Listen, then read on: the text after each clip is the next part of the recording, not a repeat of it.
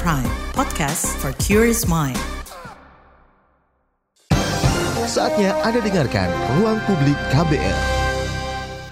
Selamat pagi, kita berjumpa kembali dalam Ruang Publik KBR bersama saya Naomi Liandra. Pagi hari ini tema kita adalah uh, mendorong pemilu 2024 yang inklusif dan ramah disabilitas. Saudara, kelompok disabilitas ini termasuk dalam kelompok rentan yang berpotensi suaranya hilang saat pemilu 2024. Hilangnya suara mereka ini tidak hanya terjadi karena tidak bisa mengakses TPS atau tempat pemungutan suara saja pada hari pencoblosan, tapi memang sejak awal di masa pendaftaran.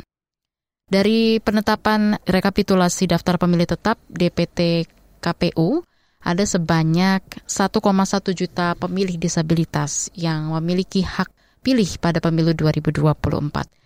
Dan Komisi Pemilihan Umum KPU juga optimistis bahwa pemilu 2024 ini akan menjadi pemilu inklusif dan tentunya ramah disabilitas.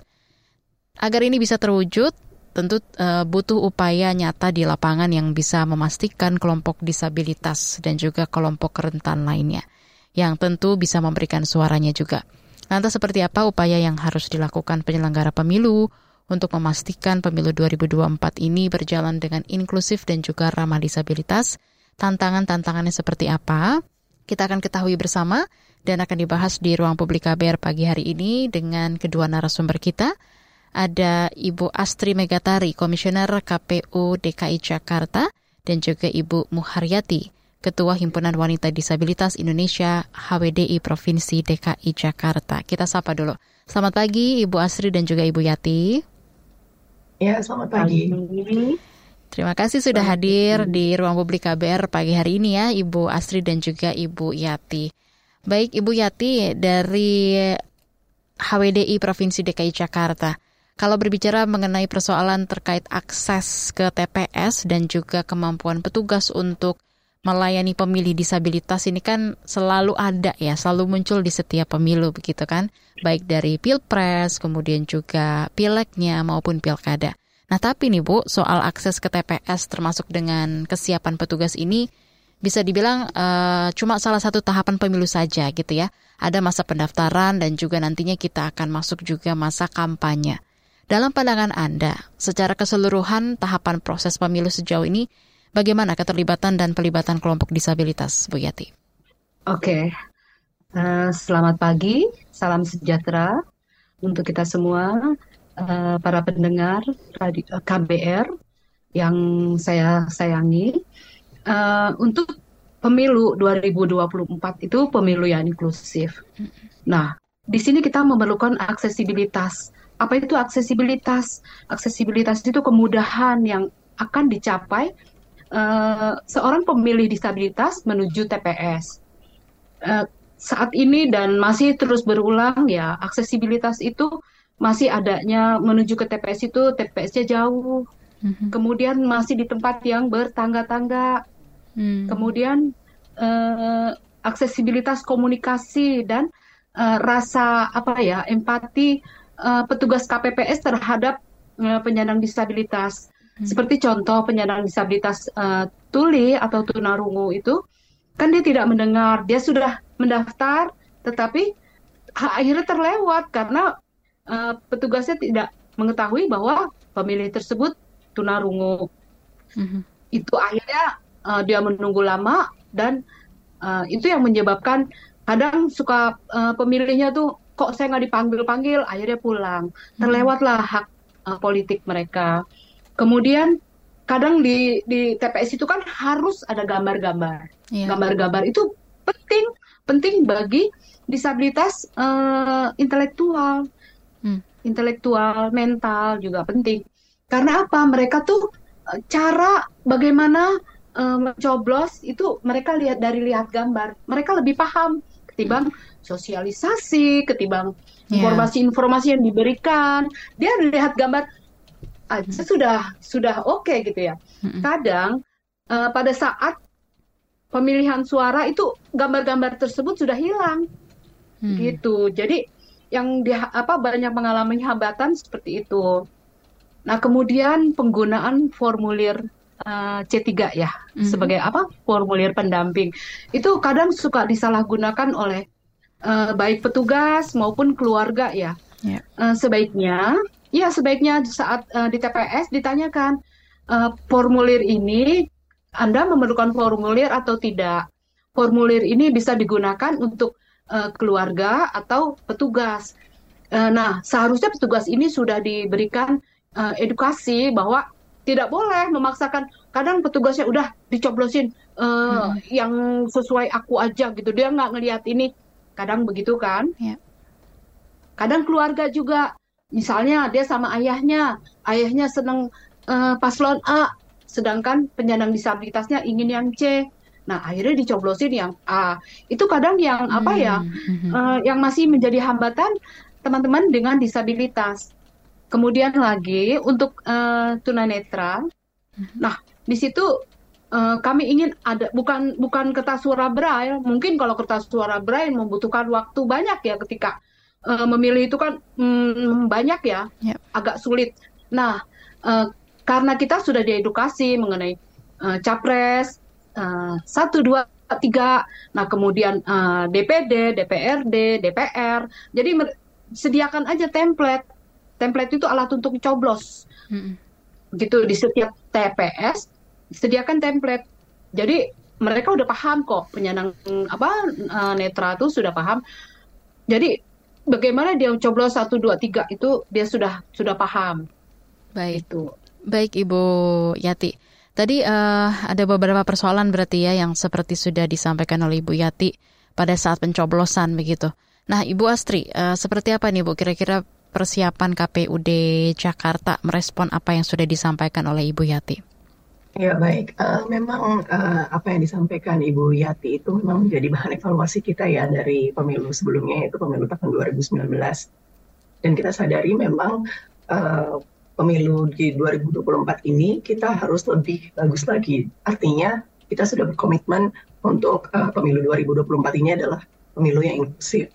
Pemilu yang inklusif artinya pemilu yang berikut kesertakan seluruh uh, warga negara Indonesia yang memiliki hak pilih hmm. tanpa terkecuali.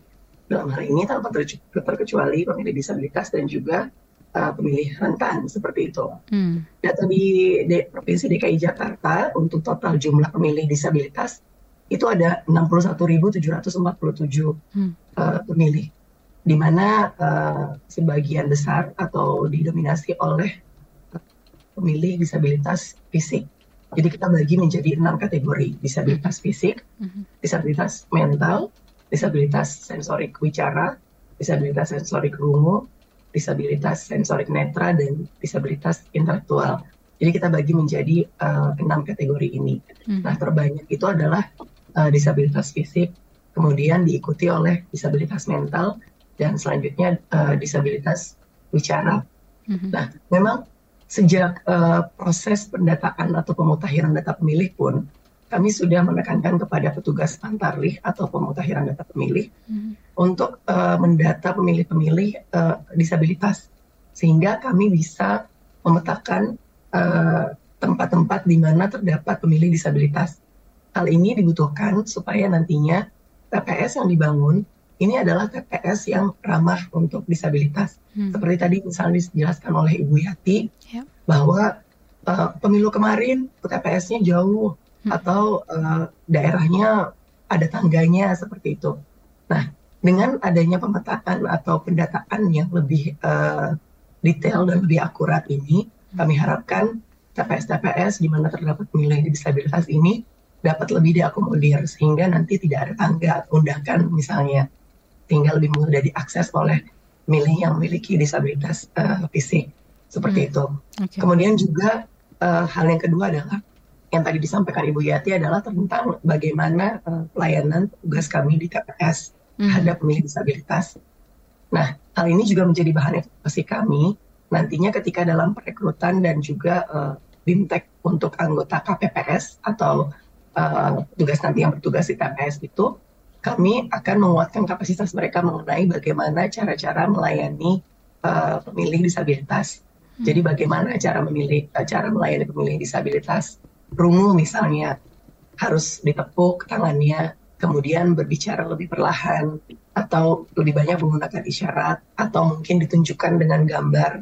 Kemudian uh, bagaimana cara berkomunikasi dengan pemilih disabilitas uh, sensorik uh, uh, mata atau visual tunanetra misalnya harus seperti apa, bagaimana kemudian juga uh, mengakomodir apabila pemilih disabilitas itu memutuskan untuk menggunakan pendamping. Mm. Nah, hal-hal tersebut yang kami uh, coba untuk kuatkan kapasitasnya bagi petugas-petugas kami di TPS sehingga pelayanan kami lebih baik lagi untuk para pemilih disabilitas di pemilu 2024 nanti. Oke, baik Ibu Astri. Lalu uh, kalau kita balik lagi ke Ibu Yati ya, kalau dalam pandangan Anda sendiri uh, apa nih yang jadi kendala atau tantangan yang terus berulangnya gitu dengan permasalahan yang dihadapi pemilih disabilitas setiap kali pemilu nih Ibu Yati? Iya, seperti tadi yang saya sebutkan tentang aksesibilitas, kemudian informasi. Hmm. Informasi ini penting ya, kayak uh, sosialisasi untuk bagaimana cara pencoblosan, simulasi. Kadang saat ini teman-teman sudah sudah uh, menegur saya, ibu kok sampai saat ini belum ada simulasi ya katanya hmm. gitu. Uh, itu simulasi itu penting, penting sangat penting banget. Hmm. Uh, apalagi untuk uh, teman-teman kami yang disabilitas uh, mental dan intelektual, karena mereka kan cepat hilang. Yeah. Bagaimana moodnya mereka itu uh, saat apalagi jadi di saat pemilu nanti dia sudah sudah tertanam bagaimana dia cara uh, mencoblosnya. Uh, ini kertas kan banyak ya untuk pemilihan umum kan banyak ada uh, eh, DKI sendiri empat kertas suara. Itu kan mereka nggak tahu ini untuk milih apa, ini untuk milih apa. Nah, jadi simulasi itu yang diperlukan. Hmm. Kemudian uh, pendidikan pemilih juga penting ya. Hmm. Pendidikan pendidikan pemilih uh, tidak hanya pendidikan untuk para uh, calon legislatifnya, tapi pemilih juga penting, terutama pemilih disabilitas. Oke. Okay. Kemudian pemantau juga diperlukan. Jadi pelibatan disabilitas untuk memantau jalannya pemilu hmm. karena mereka juga kan uh, ingin mengetahui hak uh, kita di dalam uh, kepemiluan ini kan sudah diatur dalam Undang-Undang Nomor 8 Tahun 2016. Jadi juga mereka ingin, Ibu aku jadi yeah. ingin memantau uh, pemilu ini bagaimana ya Bu caranya gitu. Hmm. Itu yang yang saat terkini informasi terkini yang saya dapatkan uh, bagi teman-teman disabilitas. Oke, okay, baik. Jadi sosialisasi, kemudian juga simulasi bagi orang disabilitas itu sangat diperlukan uh, ya sebenarnya di dalam uh, kegiatan-kegiatan seperti pemilu yang akan datang. Tetaplah bersama kami dalam Ruang Publik KBR. Masih Anda dengarkan Ruang Publik KBR. Commercial break. Commercial break. Permisi, Mas. Iya, Mbak. Numpang nanya. Mau nanya apa? Tahu KBR Pagi nggak? Udah pasti tahu dong, karena aku sekeluarga udah lama langganan KBR Pagi. Banyak informasi, mulai dari berita sosial, budaya, politik, hukum, berita nasional maupun daerah, berita terkini sampai berita viral. Semua ada di KBR Pagi. Pokoknya kurang lengkap aja rasanya kalau sehari nggak dengerin KBR Pagi di kbrprime.id. Cari aja KBR Pagi. Loh, Kok Mas hafal banget? Jangan-jangan Mas hostnya ya? Hayo ngaku. Kamu Don Brady kan? Eh, eh, eh, eh, eh, kabur. KBR Prime, podcast for curious mind. Masih Anda dengarkan Ruang Publik KBR. Baik, kembali lagi di ruang publik KBR pagi hari ini dengan tema kita mendorong pemilu 2024 yang inklusif dan ramah disabilitas. Tadi Bu Yati sudah menyampaikan bahwa yang paling penting dilakukan itu adalah sosialisasi, kemudian juga simulasi bagi orang disabilitas, begitu ya. Berkaitan dengan itu, Bu Astri, untuk sosialisasi dan simulasi ini seperti apa nih Bu yang sudah dilakukan dan akan dilakukan untuk kelompok disabilitas? Ya, jadi uh, memang uh, sosialisasi untuk para pemilih ini kan kita kan juga uh, harus memperhatikan para pemilih disabilitas ini Nah, karena pemilih disabilitas ini juga memiliki hak yang sama seperti pemilih lain. Mulai dari hak untuk didaftar sebagai pemilih, hak atas informasi terhadap pemilu, hak atas TPS yang aksesibel, kemudian juga hak atas pemberian suara yang rahasia, bahkan hak untuk mencalonkan diri dan dipilih sebagai anggota legislatif, sebagai anggota DPD maupun sebagai presiden atau presiden serta menjadi kepala daerah dan juga hak untuk menjadi penyelenggara pemilu di setiap tingkatan. Jadi kalau tadi dikatakan oleh Bu Yati, kalau misalnya ada pemilih disabilitas yang ingin uh, uh, apa namanya mendaftarkan sebagai penyelenggara, contohnya sebagai pemantau pemilih, itu sangat-sangat uh, dibolehkan dan sangat-sangat sangat welcome.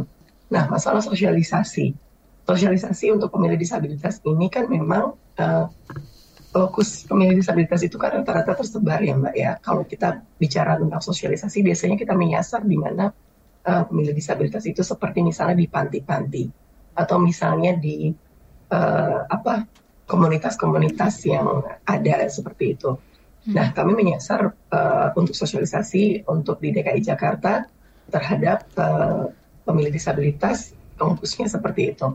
Kemudian juga tadi sempat ditanyakan uh, bagaimana kemudian uh, para pemilih disabilitas ini dapat memiliki akses informasi Hmm. Nah, akses informasi ini juga uh, penting memang dan untuk itu kami uh, dari Provinsi DKI Jakarta ini me sedang membuat sebuah video untuk pendamping pemilih yang nantinya dapat digunakan sebagai panduan bagi pendamping pemilih disabilitas uh, tunanetra hmm. jika uh, mereka nantinya datang ke TPS dan hal-hal serupa juga kami akan duplikasi bagaimana kemudian uh, tata cara untuk melayani pemilih disabilitas uh, baik itu misalnya disabilitas fisik, mental, kemudian tunarungu, tunawicara dan lain sebagainya.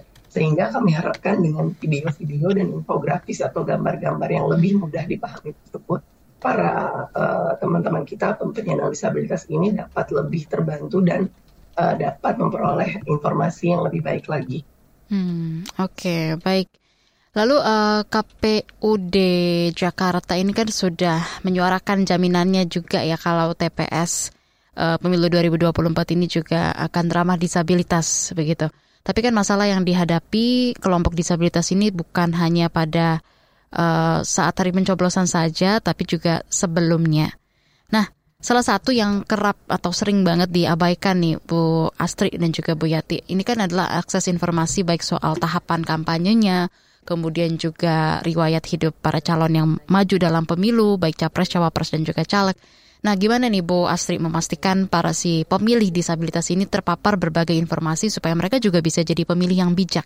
Ya, memang dalam hal ini, dalam hal sosialisasi dan pendidikan pemilih, kami sadari KPU ini tidak bisa uh, bergerak secara sendiri. Hmm. KPU butuh dukungan dari bermacam-macam stakeholder, misalnya pemerintah daerah, kemudian juga masyarakat, serta dari keluarga dari penyandang disabilitas. Jadi uh, untuk itulah kami juga uh, setiap kali kami melakukan sosialisasi atau pendidikan pemilih, kami uh, uh, suarakan itu bahwa pemilu 2024 ini adalah pemilu yang inklusif.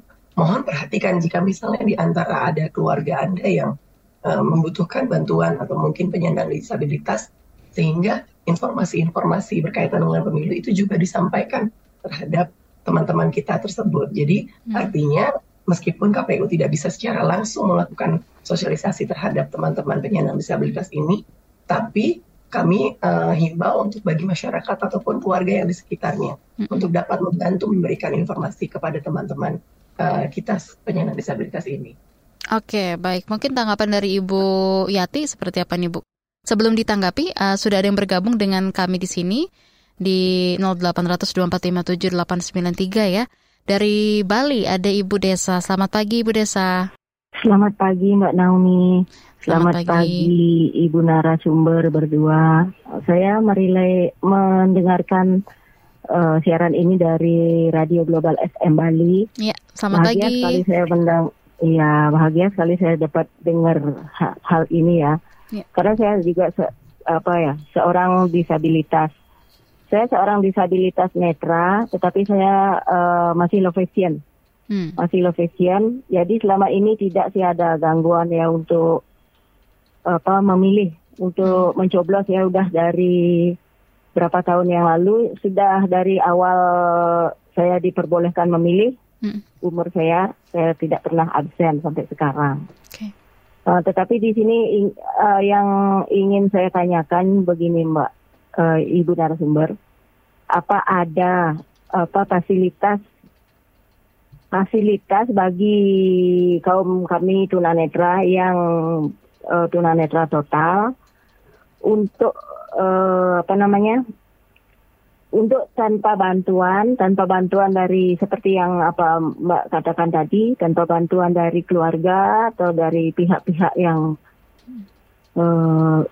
petugas seperti itu mm-hmm. biar bisa sendiri biar bisa uh, ini sendiri mandiri begitu ya sendiri mandiri ya mandiri mm-hmm. ya uh, karena selama ini masih selama ini yang tunanetra total itu masih uh, perlu bantuan ya perlu dibantu untuk mencoblos itu okay. calon ini calon ini calon ini gitu belum belum terlihat uh, kemandirian di situ begitu mm-hmm. uh, dan juga begini mbak uh, yang terjadi di lapangan ya uh, mm-hmm. seperti yang ibu katakan tadi mm-hmm uh, itu apa menyerahkan KPU mungkin menyerahkan dari uh, kepada pihak keluarga. Hmm. Seringan di sini seperti ini uh, dari pihak keluarga itu uh, karena mungkin dia merasa repot atau bagaimana ya. itu ah biarin dah ah biarin tuh juga lagi satu tuh juga lagi satu kalau misalnya seribu orang yang menganggap itu apa orang disabilitas itu tidak penting untuk memilih gitu. Hmm. Ah, juga lagi satu, ah, juga lagi satu gitu. Masing-masing keluarga punya anggapan seperti itu kan banyak suara yang terbuang seperti hmm, itu. Okay, baik. Bagaimana caranya biar itu tidak terulang lagi karena selama ini itulah yang terjadi di lapangan yang saya ketahui begitu. Terima kasih atas waktunya Mbak. Selamat baik, terima kasih. Pagi. Oh, santi, santi, santi. Terima kasih Ibu Desa di Bali atas pertanyaannya. Jadi Ibu Desa ini memang uh, seorang disabilitas low uh, disabilitas netral low vision juga, jadi tidak ada masalah untuk uh, mencoblos begitu ya. Nah, yang ditanyakan adalah apa ada nih fasilitas bagi tunanetra total untuk tanpa bantuan keluarga atau pendamping jadi bisa mandiri saat pencoblosan. Karena selama ini yang dialami Ibu Desa uh, netra total itu selalu dibantu. Di lapangan suara disabilitas juga sering banget diabaikan. Mohon ditanggapi dulu uh, Ibu Yati, silakan. Oke, okay. uh, eh, karena uh, saya tinggal di DKI, di DKI sudah ada Pertuni Persatuan Tunanetra Indonesia, perkumpulan atau Persatuan Tunanetra Indonesia. Mm-hmm. Nah, saat ini uh, saya men saya mencoba menanyakan apa kebutuhan mm-hmm. uh, penyandang uh, tunanetra mm. Di dalam pemilu tanpa alat bantu. Dia bilang, gampang bu, sediakan aja template, nggak usah kata suara yang pakai braille gitu. Kita malah membutuhkan lama karena uh, kita yang seperti tadi saya bilang, yeah. Ya. uh, kita sudah mendapat sosialisasi uh, dari PPU AD karena kita kan juga punya KPU-nya disabilitas, mm-hmm. yaitu Pusat Pemilihan Umum Akses Disabilitas. Jadi uh, apa namanya uh, sudah disosialisasikan bahwa kebutuhan untuk penyandang uh, disabilitas netra itu mm. hanya butuh template alat okay. untuk mencoblos, mm. bukannya kertas suara yang braille mm. karena kan apalagi yeah. braille ini tuh membutuhkan uh, biaya dan waktu untuk untuk membaca ya kan Betul. kalau itu mereka udah paham kok uh, jadi okay. bagaimana ya membutuhkan template aja oke okay, dan baik. alat Terima kasih Ibu Yati atas tanggapannya. Sebelum kita mungkin dengar juga dari Ibu Astri, kita angkat lagi penelpon yang sudah bergabung di line telepon bebas pulsa KBR. Dari Pariaman Sumber ada Pak Edi. Selamat pagi Pak Edi. Selamat pagi. Iya, silakan Pak Edi. Nah, ini saya mau nanya juga ini, saya ini disabil, penyandang disabilitas netra juga ini, Bu. Oke, okay, baik Pak. Nah, saya ini kan pindah ke kabupaten lain di daerah Pariaman, saya pindah ke kabupaten tetangga. Uh-huh. Nah, secara langsung kan belum ada di, sudah dilaporkan, tapi belum ada di daftar. Nah, bagaimana pula tuh oh, cara saya untuk memilih nantinya di Kabupaten Agam ini, Bu. Oke, baik. Ada lagi Pak Edi mungkin nah, yang mau ditanyakan? Nah, yang satu lagi, uh mhm. -huh. kalau kita memilih nanti, bolehkah kita minta petunjuk dari uh, petugas TPS yang ada di dalam TPS itu, Bu? Oke. Baik Pak ya, Edi. Aja, Bu. Terima kasih atas pertanyaannya. Ya, terima kasih kembali. Selamat pagi. Selamat pagi. Ya, bisa langsung ditanggapi dari Bu Astri. Silakan Bu Astri. Uh, iya baik, terima kasih. Mbak. Uh, jadi kan saya menanggapi dulu tentang braille template ya. Nah, ini ya. adalah pentingnya pendataan uh, pemilih di hmm. awal. Jadi kami mendatakan pemilih di mana uh, terdapat pemilih yang misalnya terdapat uh, dis uh, disabilitas uh, netra seperti itu. Hmm. Di tempat-tempat yang nanti terdata terdapat pemilih disabilitas netra, yeah. kami akan menyediakan di dalam TPS tersebut braille template seperti yang tadi sudah dikatakan oleh Bu Yati. Hmm. Gunanya untuk sebagai alat bantu bagi teman-teman kita penyandang disabilitas netra untuk dapat uh, memberikan hak suaranya pada uh, pemilihan umum nanti. Hmm. Kemudian tadi pertanyaan yang terakhir dari Pak uh, Pak Edi di Pariaman. Pak ya. Edi di Pariaman Hmm. Bagaimana kalau kemarin pada saat pemutakhiran data pemilih saya belum didaftarkan. Hmm. Jadi KPU ini uh, data-data pemilih di, yang dimiliki oleh KPU ini di, uh, didapatkan dari data Kementerian Dalam Negeri, hmm. di, kependudukan dan catatan sipil. Okay. Sehingga uh, jika misalnya kemarin pada tahap pemutakhiran data pemilih ini belum terdata, bisa dicek dicek dptonline.kpu.go.id. Hmm. Jadi biasanya pada saat pemutakhiran data pemilih itu jika misalnya belum didata, hmm. tapi memang sudah terdaftar di dalam KTP, terdaftar di dalam Dukcapil, uh, biasanya akan muncul dalam uh, DPT. DPT online ya. Hmm. Nah, caranya mengecek apakah nama kita sudah muncul atau tidak, atau sudah terdaftar atau belum di DPT, okay. cukup dicek dptonline.kpu.go.id. Di situ hmm. tinggal masukkan nick-nya, kemudian nanti akan langsung muncul uh, nama, kemudian TPS mana tempat untuk memilih. Bagaimana jika tidak ada? Hmm. Bagaimana jika sudah uh, dicek dicek DPT online. Tapi nama saya tidak muncul, tidak terdaftar dalam DPT. Hmm. Ini hak pilihnya tetap akan kami jaga, tidak akan hilang. Caranya bagaimana? Caranya datang langsung ke TPS pada pukul 12 sampai pukul 1 ya. siang hmm. dengan membawa KTP elektronik. Namun syaratnya hanya bisa mencoblos di uh, lokasi tertera KTP elektronik tersebut, misalnya di domisili asal. Mm-hmm. Sehingga misalnya KTP-nya itu ada di contoh di Kecamatan Jatinegara gitu kan. Yeah. Nah, mau bolehnya hanya memilih di Kecamatan Jatinegara, tidak bisa pindah memilih seperti okay. itu. Oke. Jadi disesuaikan dengan uh, lokasi di mana bisa memilihnya ya, uh, Bu Astri ya. Oke, okay, baik. Tidak akan hilang. Yes, baik. Jadi bisa sambil cek juga di dptonline.kpu.go.id. Jadi kita akan mengetahui di TPS mana kita akan mencoblos begitu ya. Oke, nanti kita lanjutkan lagi Ibu Yati dan juga Ibu Astri. Untuk Anda pendengar yang juga sudah mengirimkan WhatsApp, Anda akan kami bacakan WhatsApp-WhatsAppnya di 0812 118 8181. Tetaplah bersama kami dalam Ruang Publik KBR. Masih Anda dengarkan Ruang Publik KBR. Yuk follow social media KBR. Twitter at Berita KBR, Instagram at KBR.id, Youtube Berita KBR. Masih Anda dengarkan Ruang Publik KBR. Mendorong pemilu 2024 yang inklusif dan ramah disabilitas di ruang publik KBR bersama dengan kedua narasumber kita dari KPU DKI Jakarta ada Ibu Astri dan juga dari HWDI Provinsi DKI Jakarta ada Ibu Yati. Menanggapi tadi uh, penelpon kita dari Pariaman ada Pak Edi ya. Saat nanti memilih uh, minta petunjuk petugas di TPS mungkin bisa di-sharing dari Ibu Yati pengalaman uh, pada saat memilih beberapa tahun yang lalu seperti apa teman-teman dari HWDI juga adakah uh, yang bisa dibagikan juga kepada Pak Edi dan juga pendengar ruang publik? Silakan Ibu Yati. Oke, okay.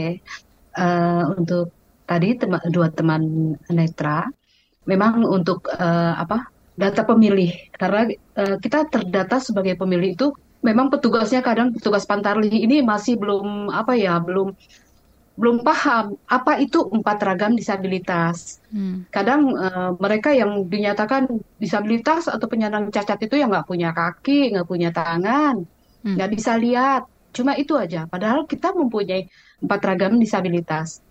Hmm. Nah, kalau sudah masuk uh, ke data, kita lihat aksesibilitas, kemudian uh, yang bapak tadi itu untuk pindah apa pindah karena dia pindah tempat. Hmm. Tapi kalau masih dalam uh, lingkungan tempat pencoblosan itu dan Bapak mempunyai ektp uh, tapi yang saya saya juga dulu pernah ya menjadi koordinator uh, saksi salah salah satu partai.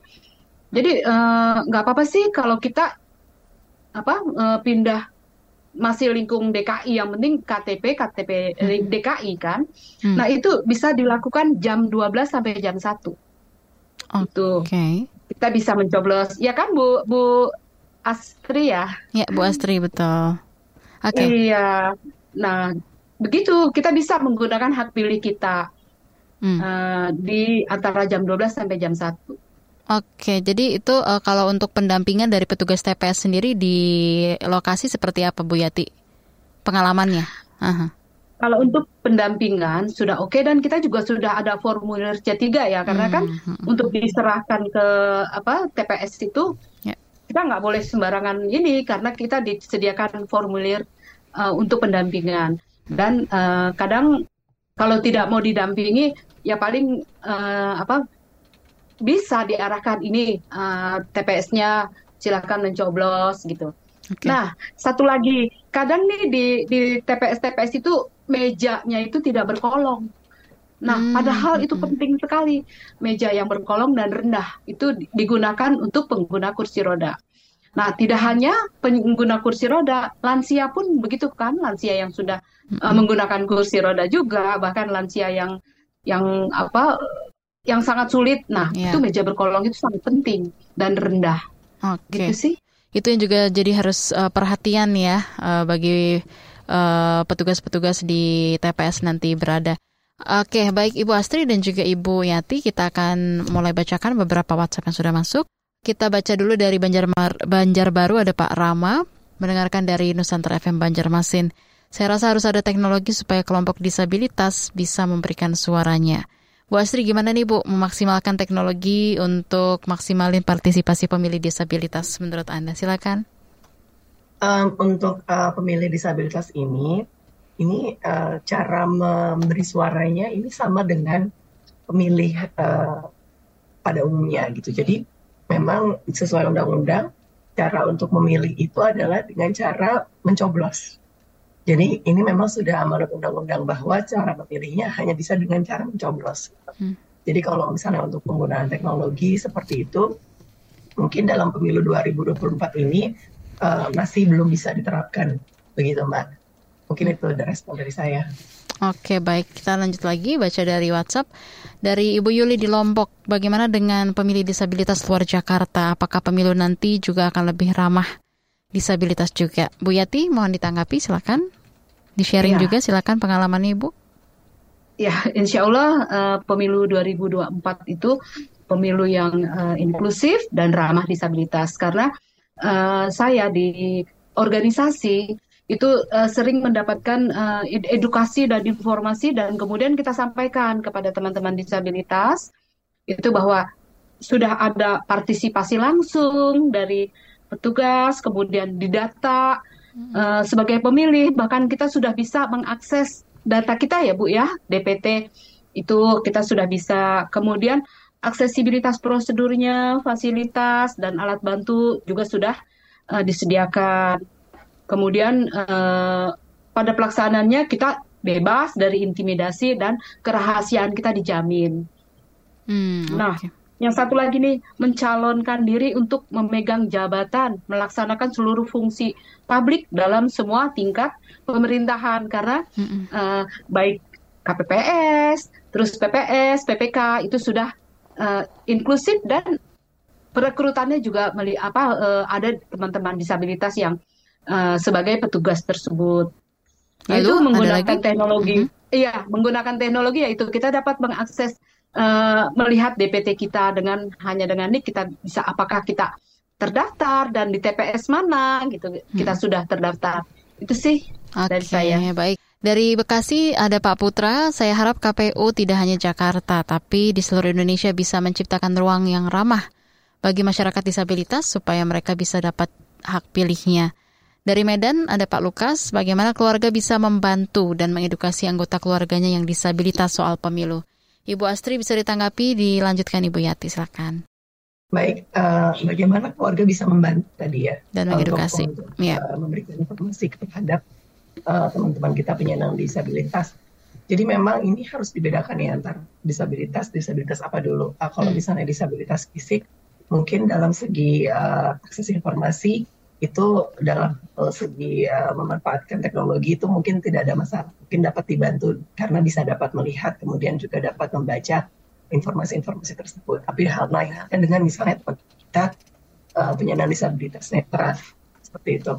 Nah, uh, untuk itu kami uh, untuk uh, keluarga termasuk para masyarakat di DKI Jakarta agar uh, mereka mencari informasi, giat-giatlah mencari informasi seperti itu. Karena dengan itu mereka bisa menjadi uh, agent of change atau misalnya agen agen-agen atau penyambung suara dari KPU sebagai penyelenggara pemilu terkait dengan penyelenggaraan pemilu di DKI Jakarta.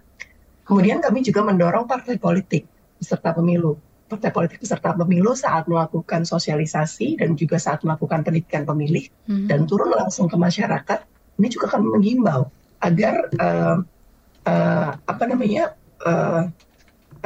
lokasi-lokasi uh, yang mereka datangi itu khususnya masyarakat-masyarakat yang mereka datangi hmm. itu juga mereka uh, sampaikan informasi mengenai bagaimana cara-cara memilih atau cara-cara informasi-informasi terkait kepemiluan hmm. kepada teman-teman kita penyandang disabilitas seperti hmm. itu, Mbak.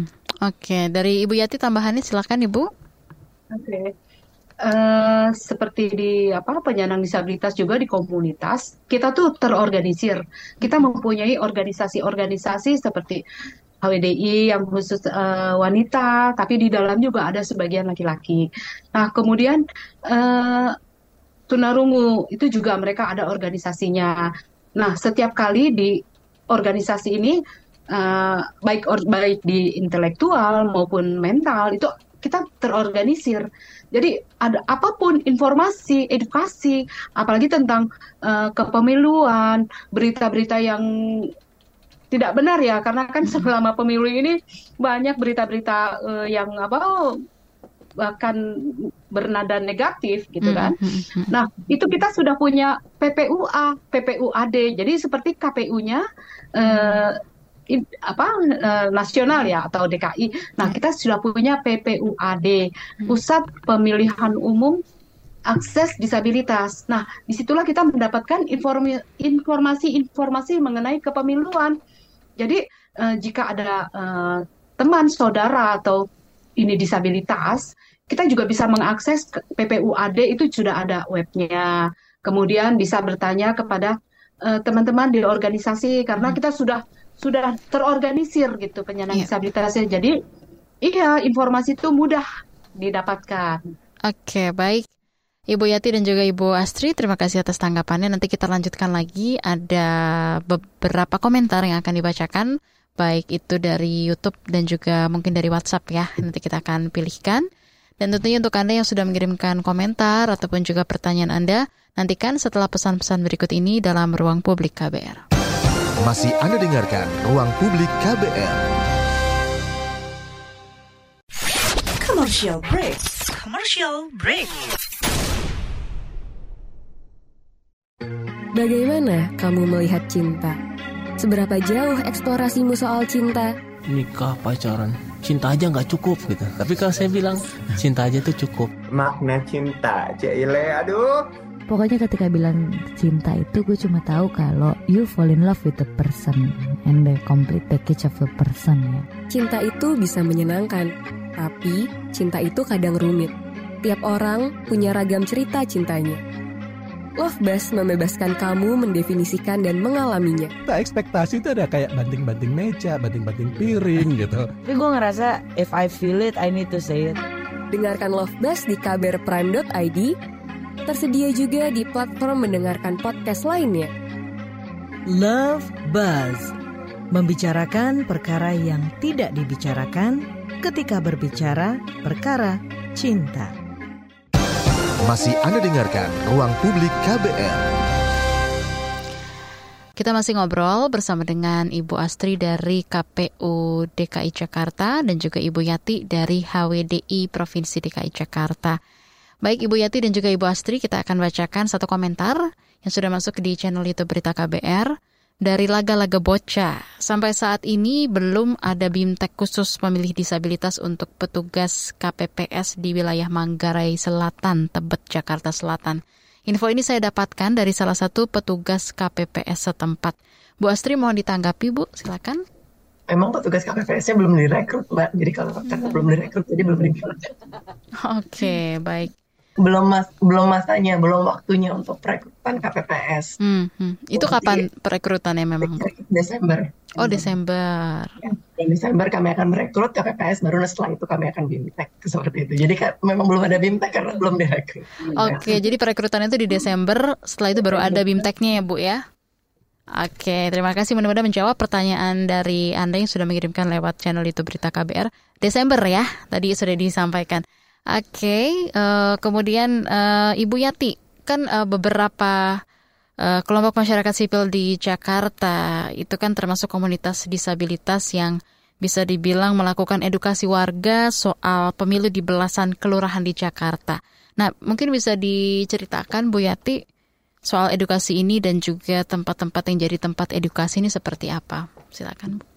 Ya, karena saya aktivis disabilitas, hmm. saya berjejaring dengan bukan hanya teman sesama organisasi disabilitas, tapi sih juga berjejaring dengan Komas, uh, eh, SPRI, hmm. Komas itu apa sih uh, Komisi Masyarakat Sipil yang di dalamnya ada anak-anak muda, uh, kemudian karena anak pemilih milenial itu kan uh, mereka yang paham banget informasi terkini ya, jadi aku juga uh, bekerja sama dengan mereka-mereka ini dan kita dapatkan uh, pada setiap kelurahan-kelurahan kita berikan ed edukasi uh, untuk menangkal ya berita-berita yang yang saat ini kan yang lagi seneng banget tuh ujaran kebencian ya mm-hmm. terhadap ini uh, pasangan calon ini ini ini gitu kan yeah. bahkan tidak salah caleg-caleg perempuan juga mendapatkan uh, apa ya ujaran kebencian juga apalagi yang bernada seksis gitu kan mm-hmm. seperti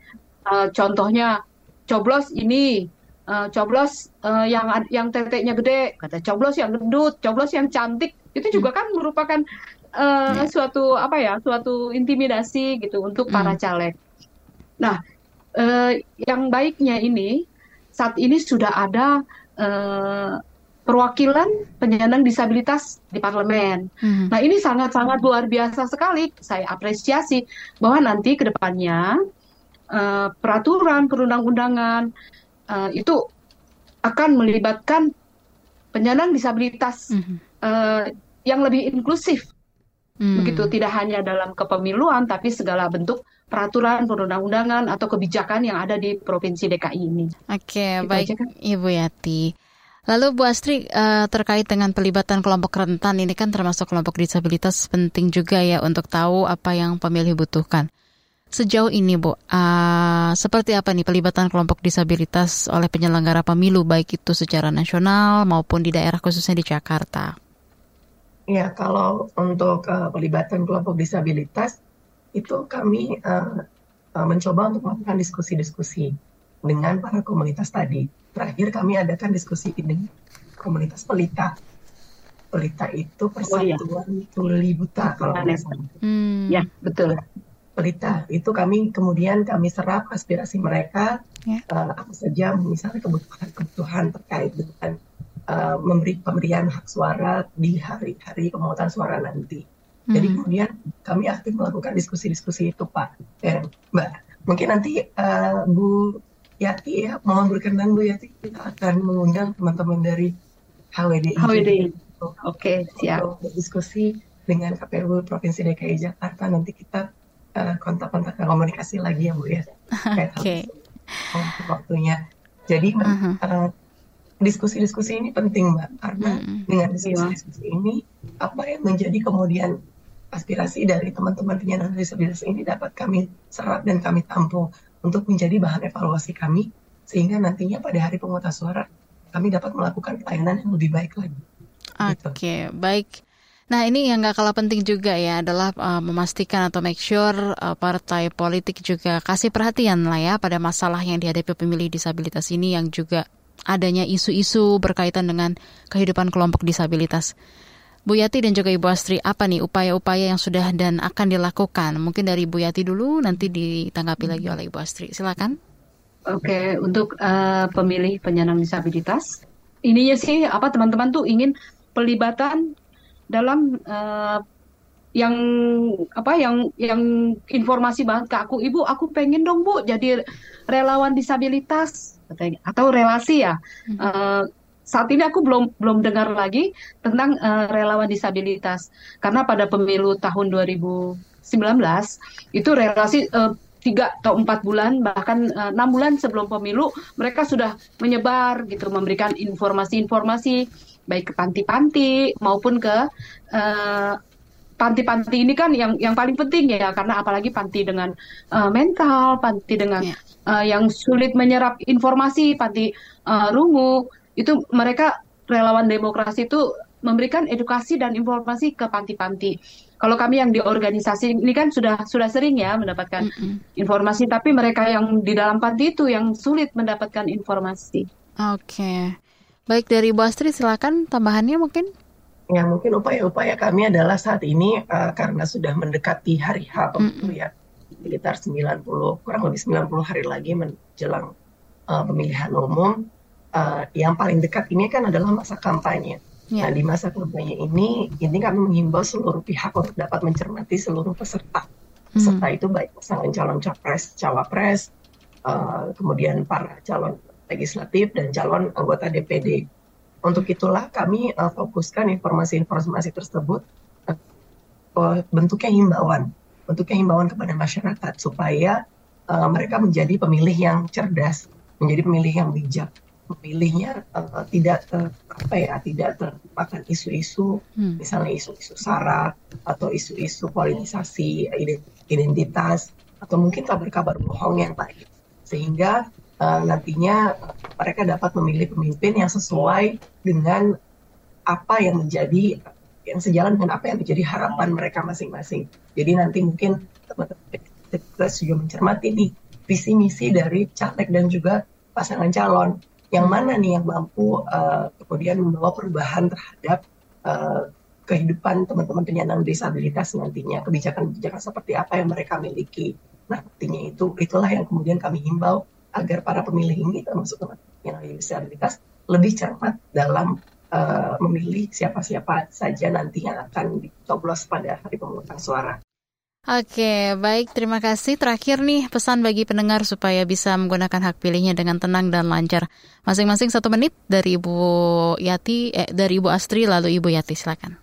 Uh, baik, mungkin uh, pesan-pesannya kepada seluruh pendengar KBR dan seluruh pemirsa KBR, uh, baik uh, masyarakat di DKI Jakarta ataupun uh, yang di luar Jakarta, pemilu 2024 ini kita harus berkomitmen untuk menjadikan pemilu yang inklusif Artinya pemilihan inklusif ini tidak hanya KPU yang berperan di sini, tapi seluruh pihak juga harus ikut serta, mulai dari masyarakat, kemudian mulai dari uh, akademisi, dan juga mulai dari uh, teman-teman keluarga sendiri.